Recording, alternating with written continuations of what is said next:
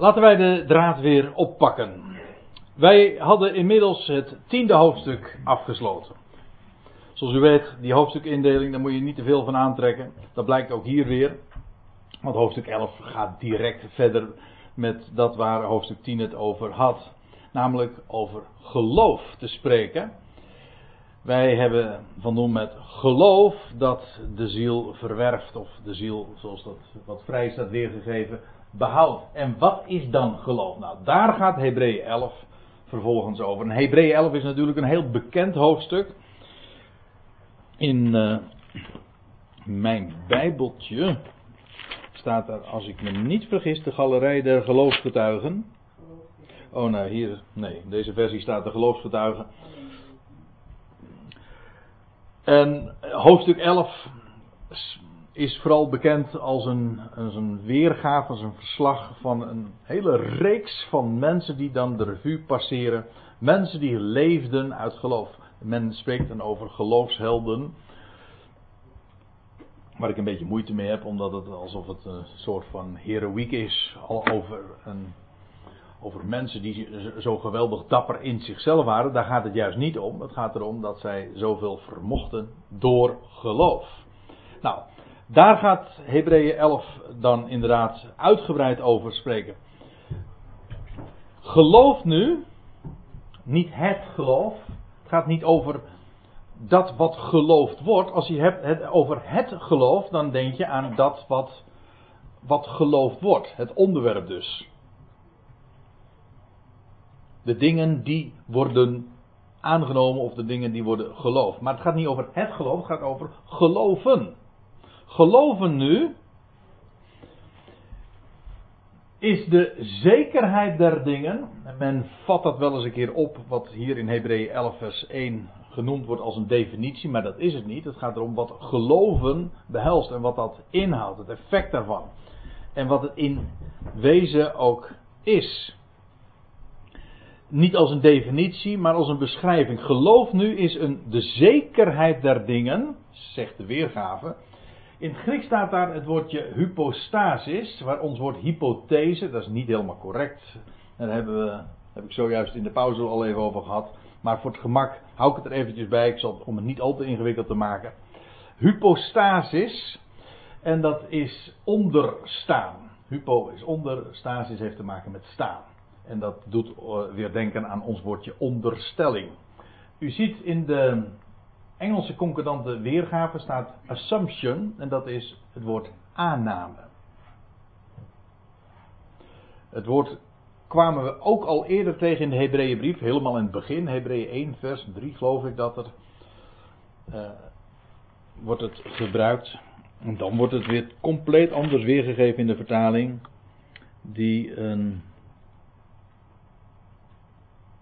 Oh ja, dan wordt het vertaald met wezen. Nou, klopt niet de Engelse, de concordant version vertaalt het ook daar met assumption, een aanname. Dat is wat het is. Dat is wat, zoals het inderdaad eensluidend ook weergegeven kan worden. Geloof nu is de aanname der dingen. En het woordje, ons woord hypothese is wel aardig in dit verband, want dat is wat een academicus zou zeggen. U weet, eh, in de, op de universiteit spreken ze over, over een theorie en je hebt een hypothese. Een hypothese is daar waar je van uitgaat. Het moet nog, het, ja, het moet nog bewezen worden. Het moet nog blijken. De observaties zullen het nog moeten bevestigen. Maar wij gaan ervan uit dat. Het is de aanname, de onderstelling van. Feitelijk is dat wat geloof is. Een academicus zou het zo beschrijven. Dat is een hypothese in, in de academische sfeer, u weet het, als je zegt academisch, dan betekent dat meestal, vind ik dat wel leuk zoals men dat in het spraakgebruik dan zegt, van, oh dat is een academische kwestie. Dat betekent, daar bedoelt men mee van, nou dat is een kwestie die eigenlijk niet toe doet. Als het er echt om gaat, dat is een academische kwestie, nou ja goed, daar kun je over uh, denken wat je wil, het maakt in de praktijk toch geen ene bal uit. Dat bedoelt men met een academische kwestie. En dan is het woordje hypothese natuurlijk ook eigenlijk heel erg lauw. Maar geloof is een aanname. Je neemt iets aan. In de wetenschap spreken ze trouwens ook over een axioma. Een onbewezen uitgangspunt. Iets waar je gewoon op voorhand van uitgaat. Dat, dat is ook wat geloof is. Je gaat uit van dat wat gesproken is. De aanname. Het is de aanname der dingen, van zaken, die men hoopt, of eigenlijk die men verwacht. Het, het wil niet zeggen dat je je hoopt hè, op dat je beter wordt. Je hoopt dat het lekker weer wordt. Je hoopt, nou ja, je kan zoveel hopen, maar dat is niet dit woord. Hè. Het is wat men, wat je verwacht. Dat wat aangekondigd is. Wat zal gaan gebeuren. Het moet nog blijken, maar het zal gebeuren. Dat is wat profetie ook is. Profetie is een voorzegging. Geloof heeft altijd te maken met, te maken met zaken die je verwacht over toekomende dingen. En die je dus nog niet ziet. Want hoe zal men verwachten hetgeen men ziet, zegt Paulus dan in Romeinen 8. Verwachting heeft altijd te maken met dingen die nu nog niet gezien worden. Dus het is, uh, het is de aanname van zaken of van dingen die men, van zaken die worden verwacht. En het bewijs, conviction, de overtuiging van wat niet wordt geobserveerd, wat men niet ziet. Het woord bewijs in dit geval is een wat misleidend, omdat je dan bij een bewijs denkt van, nou, je kunt het toch zien. Nee, het gaat juist over het aanna het is de aanname van zaken die worden verwacht. En het is het overtuigd zijn van zaken die men niet kan observeren, die je niet kunt zien. En de hele beschrijving die nu gaat volgen. En al die mensen die de revue nu gaan passeren. Te beginnen bij Abel, dan krijgen we Henoch, en dan krijgen we Noach, en dan krijgen we Abraham en Mozes, et cetera, et cetera. Een gigantische lange lijst. En dan volgen vervolgens nog een heleboel namen. We zullen met de bespreking van dit hoofdstuk, veronderstel ik, echt nog een tijdje bezig zijn. Maar het is een schitterend hoofdstuk, omdat het telkens weer dit uitgangspunt, vers 1 is wat dat betreft ook een, het startpunt van het, een heel betoog nu ook weer. Daarom begrijp ik die hoofdstukindeling heel goed. Waarom het zo, men hier is begonnen met een nieuw hoofdstuk. Vers 1 is de uitvalsbasis. Is de beschrijving wat al die mensen die nu gaan volgen. En de beschrijving daarvan. Daarin wordt geëtaleerd en gedemonstreerd dat die mensen aan, dingen aannamen van zaken die in de toekomst zijn beslag zouden krijgen. En dat men overtuigd was van zaken die men nog niet kon observeren. Dus het had altijd per definitie de schijn tegen. En het is natuurlijk niet voor niks dat de schrijver juist deze dingen ook memoreert aan de Hebreeën. Die Hebreeën die zich bevonden in een omgeving eh, waar nog een tempel stond en waar een offerdienst was allemaal zichtbaar. En inmiddels was de tijd voorbij dat er spectaculaire wonderen plaatsvonden. Dus die mensen die dreven weer af en die vielen af, die haakten af, die apostasis, die, die, die namen afstand van. Ja, maar dat had allemaal te maken met de dingen die men observeerde. Maar er is niets zo misleidend als dat, als de schijn. Ja. Daarom heet het ook schijn. Het is de overtuiging van zaken die men, die niet worden geobserveerd. Want door dit, geloof namelijk, is aan de ouden, of eigenlijk hier staat het woordje uh, ouderen, de presbyteros, wat uh, elders vertaald wordt de oudsten. Maar aan de ouderen, het woord, uh, we komen het bijvoorbeeld ook in Matthäus 15, vers 2 tegen, en dan gaat het over de vroegere generaties. Zij die ons voorgegaan zijn.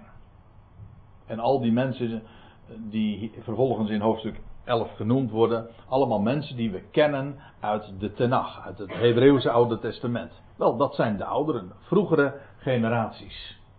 Wel, door dit, geloof namelijk, deze aanname en door deze overtuiging van zaken die niet geobserveerd worden, wel, door dit is aan die vroegere generaties, aan de ouderen, een getuigenis gegeven. En dat getuigenis vinden we dus gewoon in het Oude Testament. Alles wat hier nu vervolgens genoemd wordt, kunnen we zo rechtstreeks terugvinden.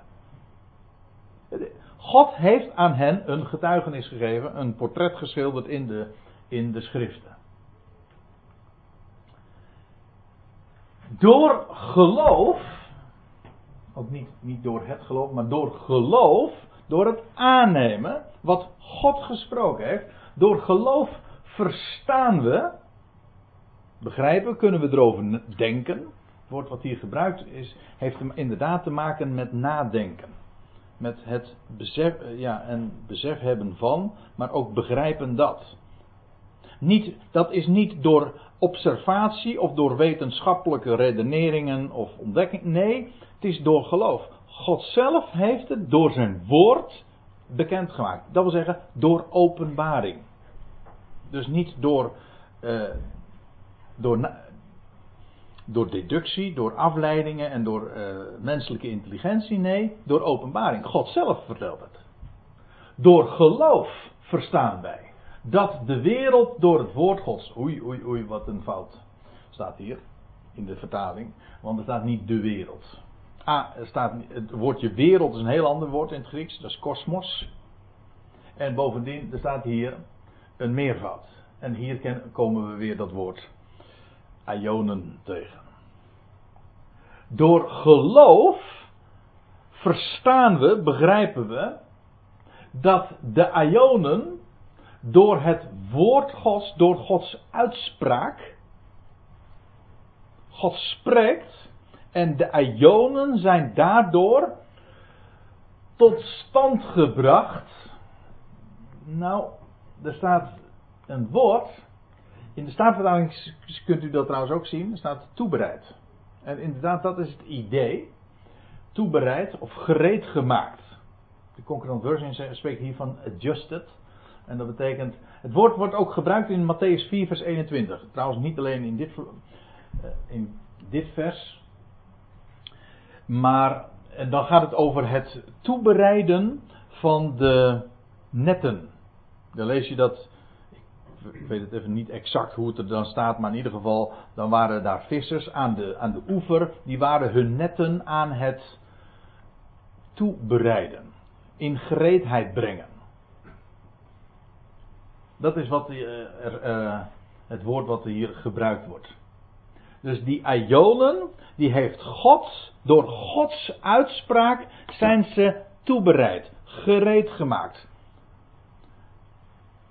de ionen, die wereldtijdperken en dat wat daarvan gezien wordt, die zijn door het woord Gods uh, toebereid. En staat er dan, zodat het zichtbare niet ontstaan is uit het waarneembare. Dat is boeiend. Laten we, laat ik het even letterlijk lezen. Zodat niet uit fenomenen. Ja, ik heb het expres zo weergegeven, want het klinkt. Ik geef toe, als ik het zo weergeef, dan klinkt dat vreemd. Toegegeven, maar hier ziet u een woord. Daar hier staat fenomenon. Dat woord. En fenomeen, dat is een verschijnsel. Dat zich, wat zich aan ons voordoet. Wat we zien met de ogen en wat zich aan ons op deze wijze vertoont of voordoet. Dat is wat een fenomeen is. Zodat niet uit fenomenen het geobserveerde is geworden. Met excuses dat het wat, misschien wat stijfachtig klinkt, maar dat is wat de schrijver naar voren brengt. Dat wat wij observeren, dat is niet uit zichtbare verschijnselen voortgekomen. Dat is wat er staat. Alles is voortgekomen uit het woord Gods. De Ionen. Want het aardige is dat je hier dus een parallelisme ziet. Je ziet hier twee uitspraken die parallel lopen.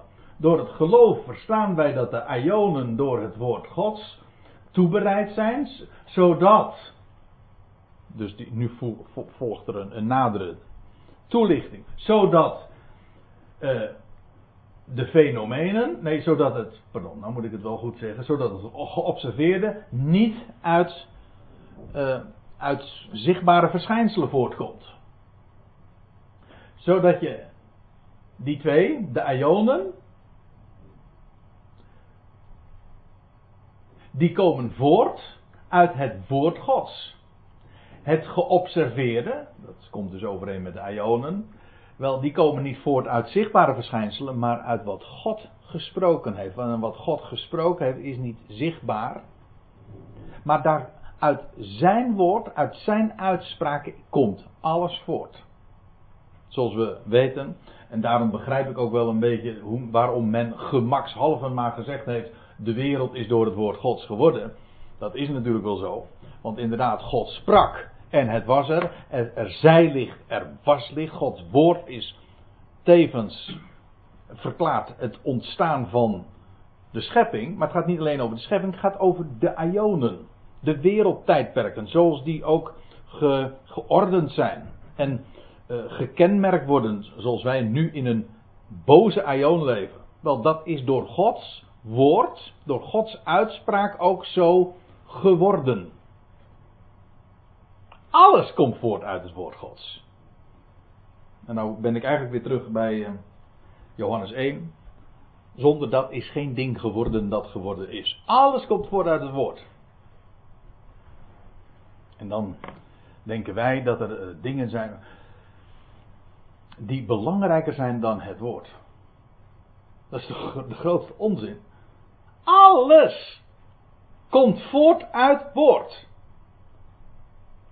En waar denk je, niet alleen verklaart dat het ontstaan, het verklaart ook het bestaan der dingen. De dingen worden gedragen, dat was trouwens ook Hebreeën 1. Alle dingen worden gedragen door het woord van zijn kracht. Zijn krachtig woord. Er gaat niets aan boven het woord van God. Dat is alles. Dat, het, alles komt daaruit voort. Daar is, dat is daaruit geworden. Zodat je het, uh, aan het woord per definitie nooit te veel betekenis kan toekennen. En in je leven is dat ook zo. Ik bedoel het nu gewoon ook puur praktisch. Er is niets wat boven het woord uitgaat. Ten opzichte van het woord is alles flauwkul. Alle andere dingen bedoel ik. Want alleen zijn woord houdt stand. Het zal ook altijd de waarheid blijken. En dat, daarom, dat verklaart ook precies. Je vindt het op zulke prachtige plaatsen. En misschien wel een van de allermooiste is. Mag het van mijn schoonmoeder misschien niet vertellen. Maar die geschiedenis in Lucas 10.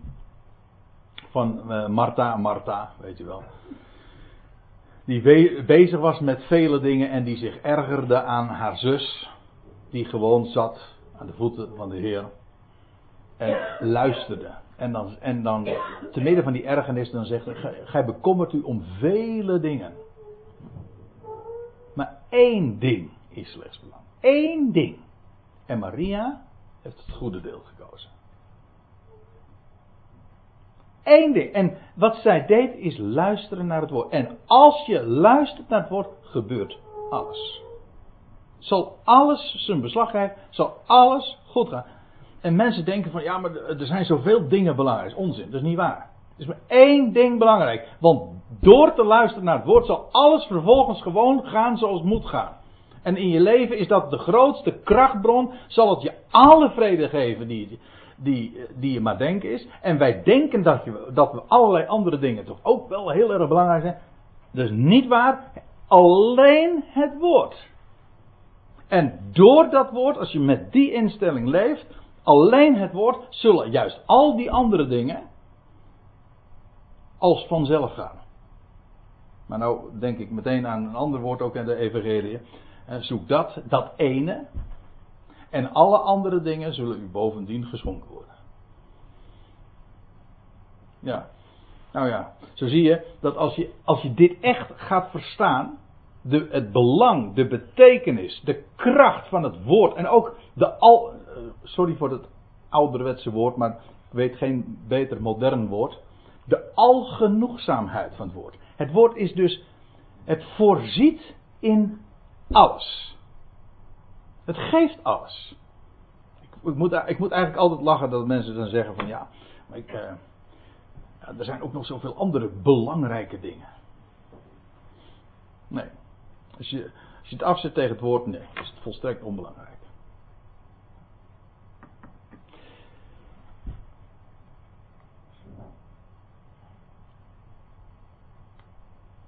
Alles is door dat woord Gods, de Ionen zijn daardoor geworden. Nou, het toebereid.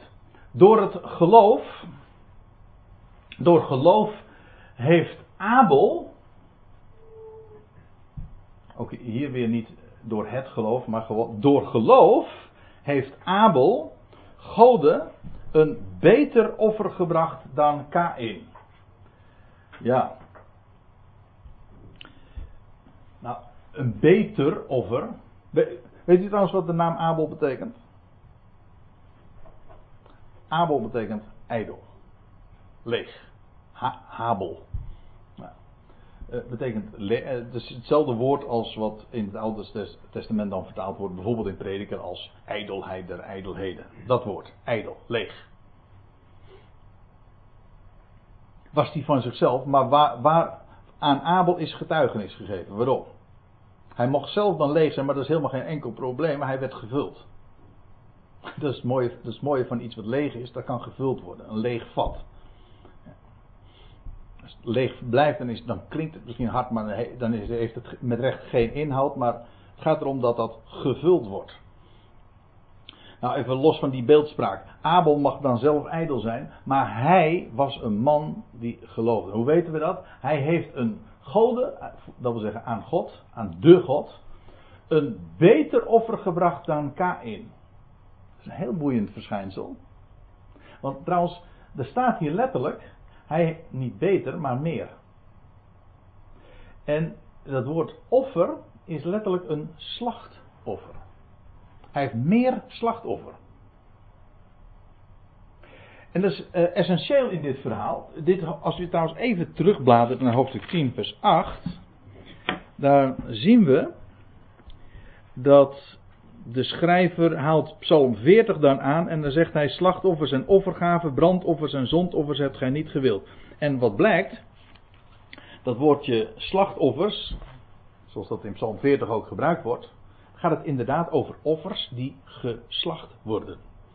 En dan begrijp je Hebreeën 11 ook direct. Want het gaat over een slachtoffer dat Abel bracht. En kijk het maar na in Genesis 3. Wat was het verschil? Nou, laten we het even opzoeken. Ik heb er hier geen diaatje van. Maar in Genesis 3. Nee, niet Genesis 3. Genesis 4 natuurlijk. Dan lees je in vers 2. Nee, vers 3. Na verloop van tijd bracht Kain van de vruchten der aarde aan de Here een offer. Ook Abel bracht een van de eerstelingen zijner schapen van hun vet en de Heere sloeg acht op Abel en zijn offer, maar op Kain en zijn offer sloeg hij geen acht.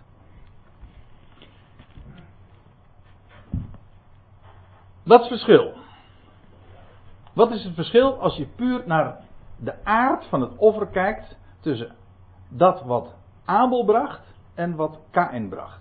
Ka- Kain bracht van de vruchten van het land. En wat deed Abel? Abel bracht slachtoffer. Namelijk de van de vrucht. Nee, niet van de vrucht, pardon. Van de, de eerstelingen van de schapen. Hij bracht dus met recht een slachtoffer. Een bloedig offer. En dat is het wezenlijke verschil. En ja, vooral in, ook weer in relatie tot het hele thema van de Hebreeënbrief. Waar het gaat juist over het grote, het ware offer. Wat waardoor wordt het gekenmerkt? Wel door een bloedig offer. Dat is wat Abra, pardon, Abel bracht. Door een dier te slachten en zo vervolgens uh, te offeren. Want niet de, de, slachting was het offer, maar eerst werd het dier geslacht, vervolgens op het altaar steeg het op tot God. En ik weet niet wat Abel daarvan begrepen heeft. Dat is, dat is moeilijk te achterhalen. Ik bedoel, de weergave en het hele verslag in de Genesis is heel sumier. Maar we weten, Abel deed het uit geloof. Kennelijk heeft God daarover geïnformeerd. Anders, heet het geen geloof. Geloof heeft altijd te maken met het aannemen, de aanname van wat God spreekt. En ik denk wel eens een keer, als ik, dat, als ik me niet vergis, ook in, uh, in de andere beschrijvingen, wat je leest over de aartsvaders, die mensen die moeten veel meer geweten hebben en dus ook gehoord hebben van wat wij vaak denken. Over de, de schepping, over de natuur en over typologie en over allerlei rituelen die ze deden. Ja, ze, wisten, ze deden dat dan toch maar. En Abel, van, ik lees nergens in het boek Genesis dat God voorschriften geeft of dat hij iets zegt over, over offeranden. Maar Abel bracht een offer. En Abels offer was in elk geval één, uit, één van geloof. En het inhoudelijke verschil is dat Abel een offer bracht, een slachtoffer, een dier dat geslacht werd en vervolgens geofferd. Wel, dat was voor God wel gevallig. En dat, dat is precies wat hier ook staat. Hierdoor wordt van hem getuigd dat hij rechtvaardig was. En hier, nou, 1 1 is 2, we zagen het al eerder. Wat is een rechtvaardige? Dat is iemand die gelooft. Abel, Abel geloofde. Wat hij ervan begrepen heeft, dat is de vraag. Maar Abel, geloofde. En hij heeft een offer gebracht. Waarin precies tot uitdrukking gebracht wordt. Waar het bij God om gaat. Door dood en opstanding. Slacht, slachting en offer. Zo nadert een mens tot God. En niet door de vrucht van dat wat de aarde voortbrengt. Dat is wat Kain deed. Niet door de vrucht van wat, wat de aarde voortbrengt, maar door middel van dood en opstanding. Zo nadert een mens tot God. Abel was een rechtvaardige, daar God getuigenis gaf aan zijn gaven. Ik wil de volgende keer daar nog even uh, nog wat over zeggen. Want er staat hier eigenlijk een, het woord voor een naderingsgeschenk. Hij naderde tot God en God gaf getuigenis aan zijn gaven. Niet aan wie Abel was. Abel zelf van zichzelf was leeg. Dat betekent zijn naam. Maar dat is geen probleem. Abel geloofde dat wat gesproken werd. En dat, dat is wat van, van hem weten. Hij, hij kreeg getuigenis van dat waar hij God mee naderde. God gaf getuigenis aan zijn gaven. Daar zie je dus het geheim van zijn offer. Het, het verschil tussen dat wat Abel bracht en het verschil en dat wat Kain bracht. En hierdoor spreekt hij nog. Hij, hij is nog steeds sprekende. Niet nadat hij gestorven is, maar ofschoon hij eh, stervende was, sprak hij toch. Ik bedoel, Kain, u kent de geschiedenis. Want er wordt natuurlijk heel vaak uh, van allerlei dingen daarover gefantaseerd. Ook over wat er gebeurde met het offer van Abel. Want wat is de kinderbijbelversie daarvan? Wat gebeurde, hoe wist Kain nu dat, dat God het offer van Abel accepteerde en zijn offer niet? Ja, dat is, dat is de kinderbijbelversie altijd. Van dat het, de rook van Abels, uh, van Kains offer, dat waaide weg. En dat van, en van Abel, dat steeg omhoog. Ik, ik herinner me nog dat plaatje ook in de Anne de Vries Bijbel destijds. Zo, zo werd dat dan voorgesteld. Ik weet wel, maar dat is op basis van latere geschiedenissen, hoe God een offer aanvaarde. En dat was door het zelf aan te steken. Er zijn diverse voorbeelden van. En als een mens het zelf aanstak, dan heet dat vreemd vuur. Dat was iets wat eh, God buitengewoon kwalijk nam. Men mocht niet uh, het offer aansteken met door het zelf aan te maken, maar door vuur altijd van het altaar. En ooit was dat begonnen met goddelijk vuur. Op de berg Karmel lees je dat. Dat is wel heel demonstratief. Als Elia dat opneemt tegen, al die, tegen die 450 Baalpriesters. Maar in het algemeen is het zo dat God een offer aanvaardt, tot zich neemt. Eigenlijk is het een vorm van een maaltijd. Hij neemt het tot zich en door het inderdaad aan te steken. God gaf, dat is één ding wat zeker, God gaf getuigenis aan zijn gave. En dat heeft Kain gezien. En of schoon Kain vervolgens in woede ontvlamde en zijn broer, dat was de eerste grote wereldoorlog, dat weet u toch, hè? Want ja, toen met een, de, wereld, de toenmalige wereldbevolking, die nog niet zo heel erg groot was werd met, voor zover we weten, werd 25% van de wereldbevolking toen omgebracht. Abel namelijk. Dus dat mag een wereldoorlog heten. Maar in elk geval, of schoon in dat deed. Hij stierf, maar Abel sprak nog. Je leest ook later van dat het bloed van, K, van Abel uh, dat schreeuwde. Ja. Nee, dat lees je niet later. Niet later in de Bijbel. Dat staat nog zelfs beschreven in Genesis 3. Nou, dat is dan het laatste wat ik nog even wil opzoeken met u.